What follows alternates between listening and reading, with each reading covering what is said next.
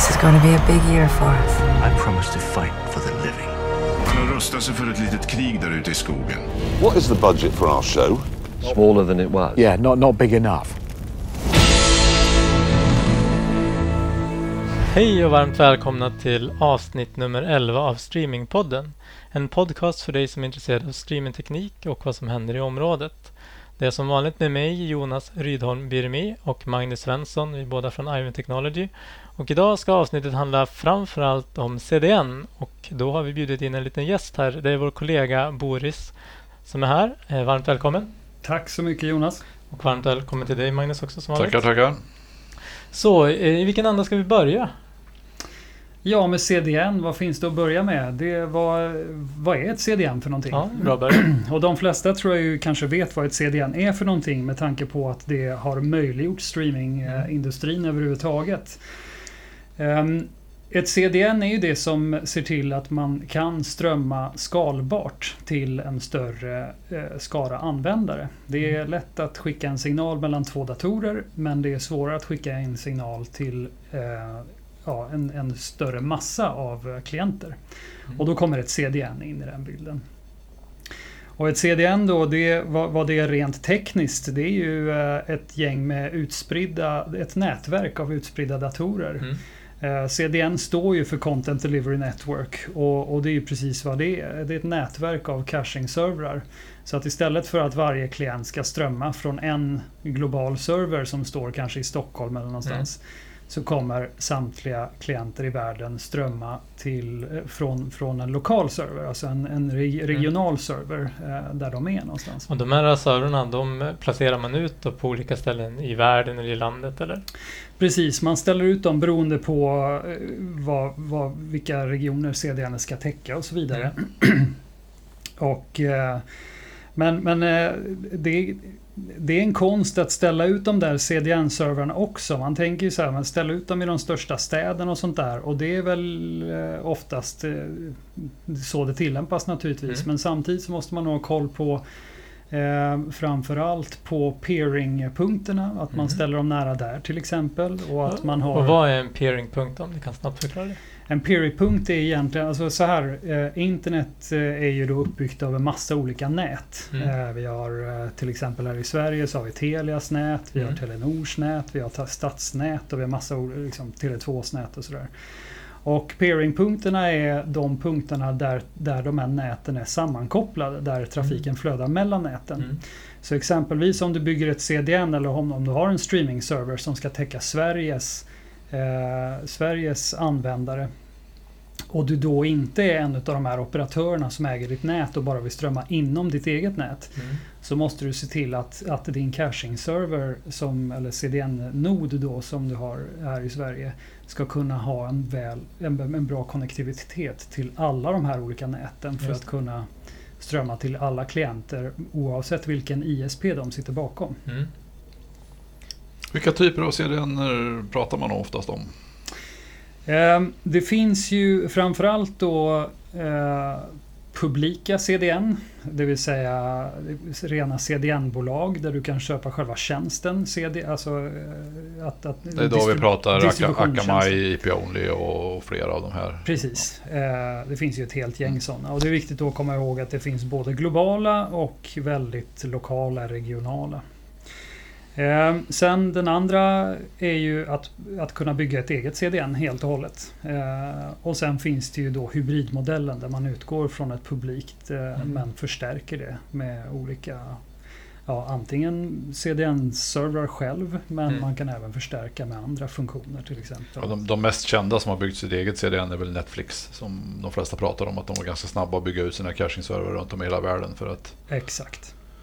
Och då när man bygger ett eget CDN, då handlar det väl, ja, det handlar väl helt enkelt om att hitta ställe att ställa dem på och som du var inne på att ha peeringen då, med nät, de olika nätverken. Då. Ja, som i Netflix fall till exempel, de måste ju sitta väldigt centralt i, i någon bra peeringpunkt så att Så att de faktiskt kan eh, erbjuda en bra eh, quality of experience till Mm. alla klienter oavsett om jag sitter bakom Telias, eh, Mm. alltså i ett, på ett Telia-nät eller om jag sitter bakom ett Tele2-nät. Eller Mm.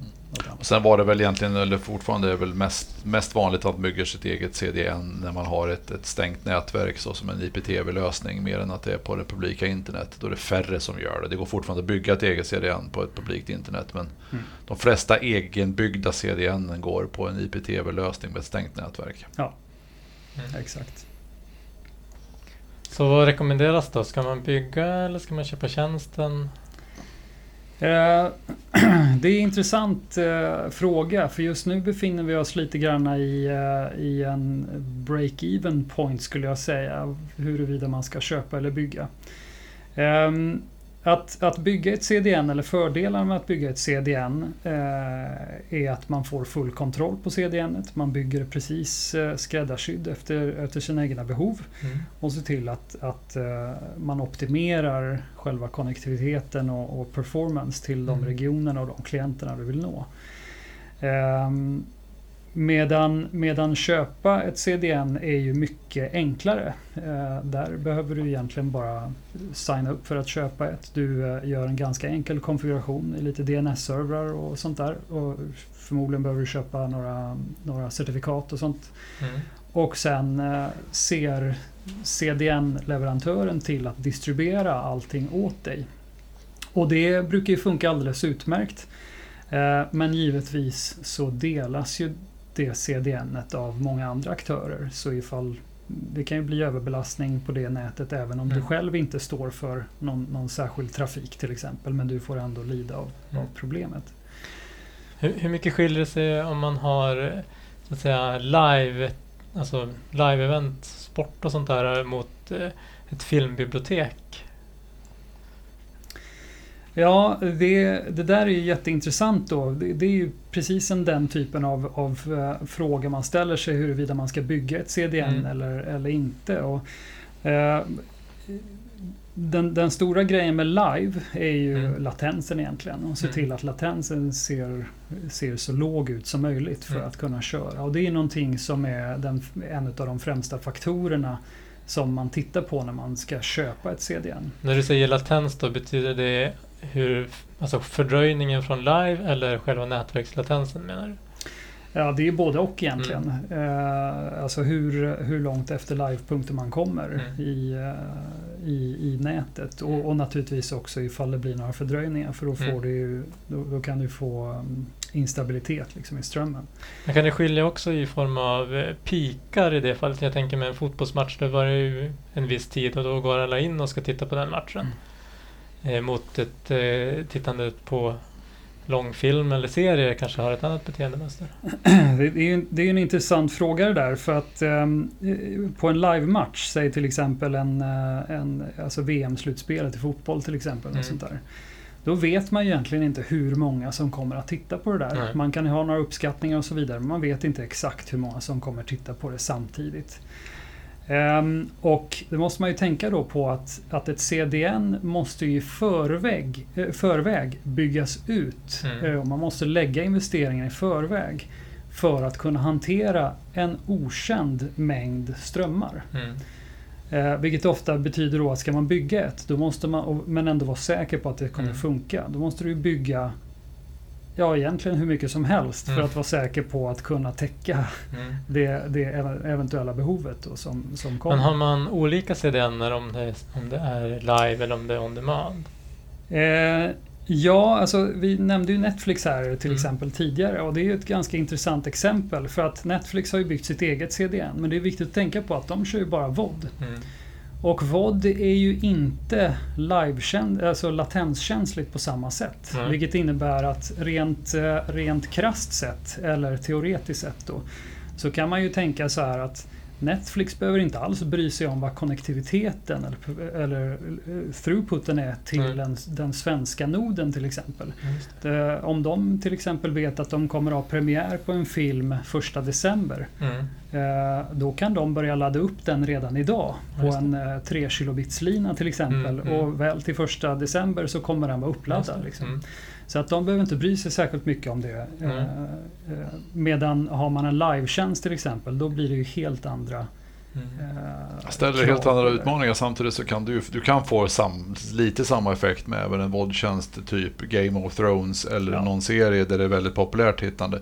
Men du har fortfarande fördelen att du kommer veta om att du kan lägga ut den lite innan och sådana saker. Och du kanske för vod-fallet så kanske du behöver ha lite större cacher för du ska kunna hantera st- större mängder content. För live är det titta på alla på samma.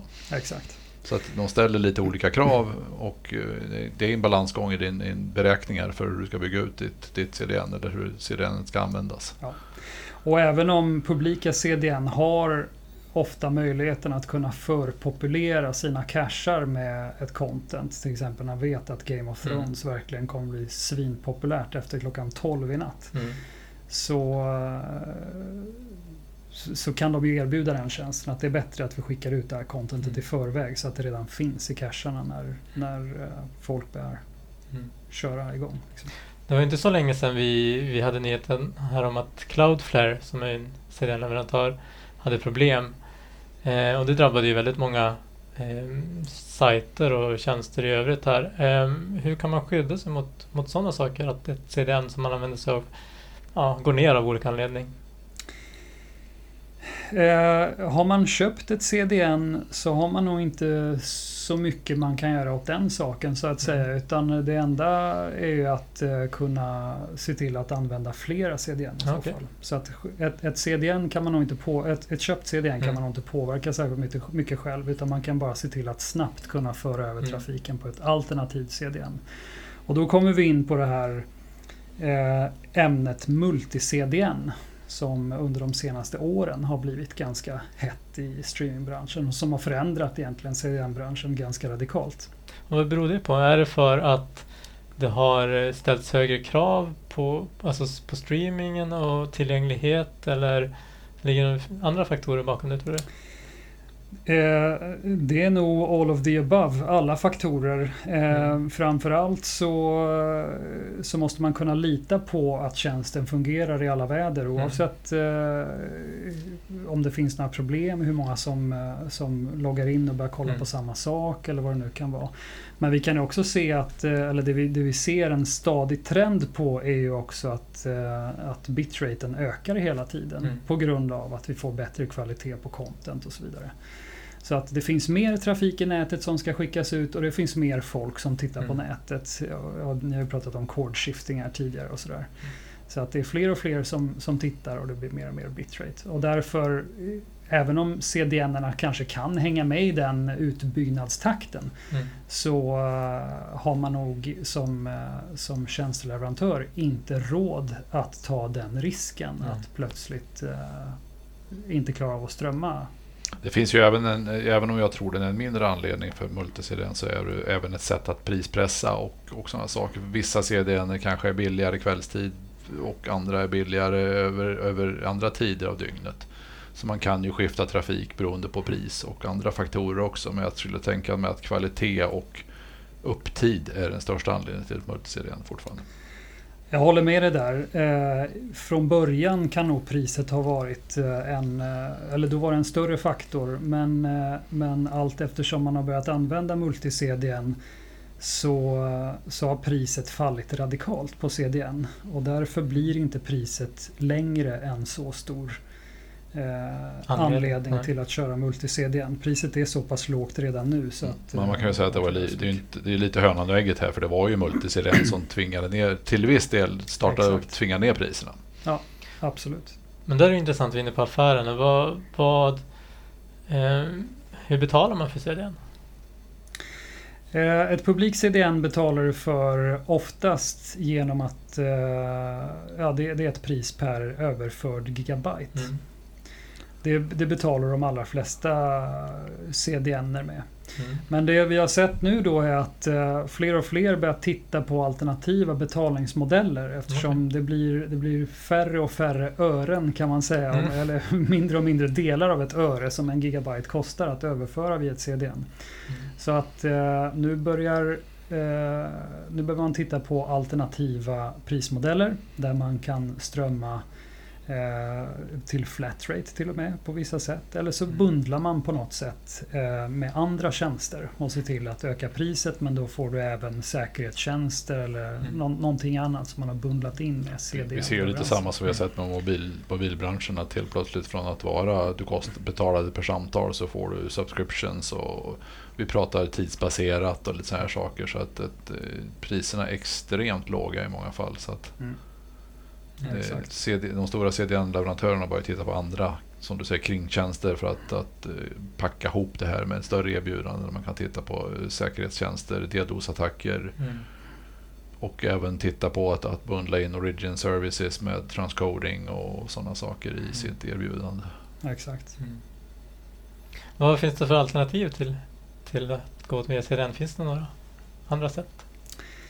Egentligen finns det väl inga alternativ riktigt till att köra ett CDN. Du måste få ut trafiken och då måste du casha på något sätt nära den klienten, var den än sitter. Eh, Men du kan komplettera ett CDN eller en multi-CDN-lösning med, med andra teknologier.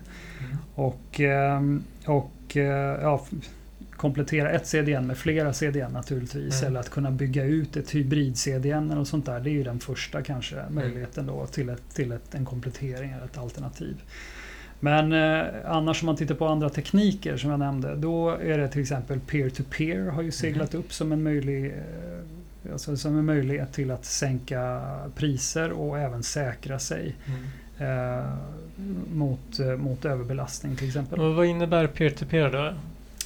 Peer-to-peer, är, ja, de flesta kanske förknippar det med, med illegal filnedladdning kanske. Men, men peer-to-peer har, är ju egentligen en teknik där, där man sätter upp eh, istället för att en server to client Alltså att trafiken går server to client så går eh, trafiken client to client istället.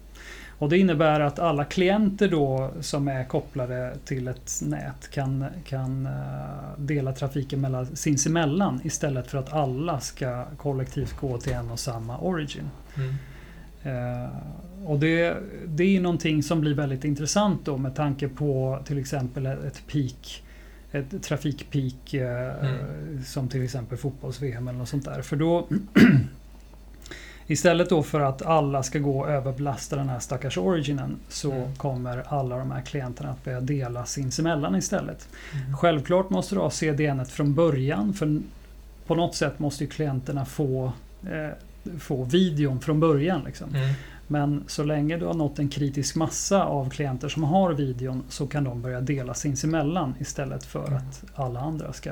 Men vad, vad säger en slutanvändare om en sån sak? Inte för att eh, eh, det kanske inte är relevant här, i- här i Sverige nödvändigtvis, men det finns ju där du har, du betalar väldigt mycket för, för, en, för dataraten så att säga, att eh, du betalar som användare också för varje gigabyte du laddar ner eller laddar upp. Då innebär ju det i någon form att jag behöver som användare, slutanvändare betala för kvaliteten och tillgängligheten i den tjänst jag använder mig av. Hur, hur, hur tänker man kring det?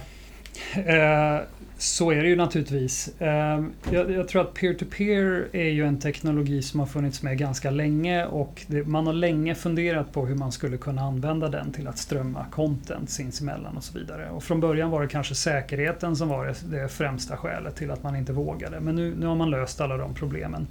Men fortfarande så har man då, eller sen dess har man då börjat diskutera, men hur kommer min klient må? Eh, Den kommer ju kräva bandbredd för att kunna ladda upp content till andra klienter. Det, om vi tittar på mobiler till exempel, alltså mobila klienter, Mm. då kommer den uh, käka batteri, den kommer Mm. kräva extra caching storage, den kommer kräva extra CPU och sånt där.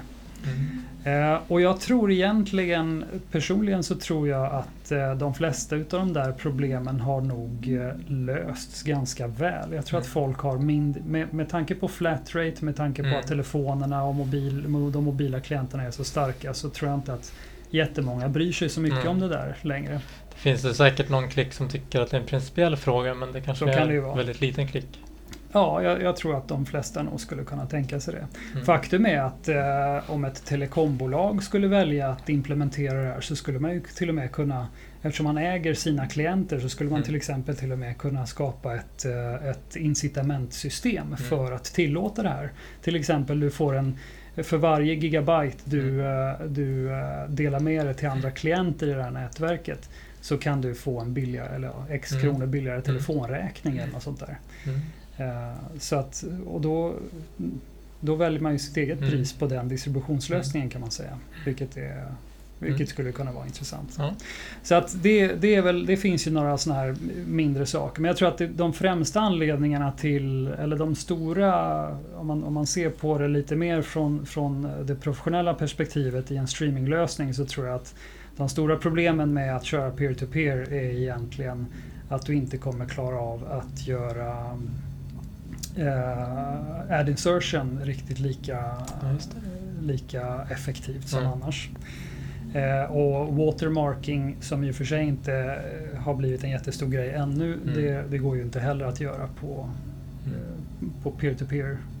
Bra, eh, men jag tror vi får avrunda det ämnet. Eh, men vi kan väl nämna att det finns en eh, fenomenal artikelserie på vår blogg på Medium som tar upp just CDN Eh, det kan vi rekommendera att man går in och läser och får lite mer detaljer och lite bilder och lite så kring det här ämnet om man vill sätta sig in i det. Och det, och det är en serie som även om du inte är eh, streamingtekniker eh, kan ta del av för den är skriven på ett sånt sätt som är väldigt pedagogisk och det är du Boris som står bakom den. Så Mm, det stämmer. Jag har skrivit just en, eller jag precis avslutat en artikel om just det här med CDN men uh, också skrivit andra artiklar mm. som handlar om just uh, streaming eller principerna bakom uh, videostreaming. Och när vi ändå pratar om att lära sig mer saker så kan vi faktiskt nämna att vi har en kurs nästa vecka den 4 september eller näst, nästa vecka blir det. Ehm, och det är inte bara CDN som tar upp, tas upp då, utan även streaming. Och Eh, det kan vara bra om man jobbar inom det här området men, men eh, vill få en liten bredd eh, i, i streamingteknik. Alldeles utmärkt om man vill lära sig mer om, om helheten av en streaminglösning. Vi kommer gå igenom allt ifrån att content kommer in i sitt mm. system fram tills det kommer ut till klienterna och, och det, alla teknologier däremellan. Mm. Så att, så att, ja, det kan jag rekommendera. Då, då kanske man hänger med i, i viss lingo som vi för med oss här i den här podden senare.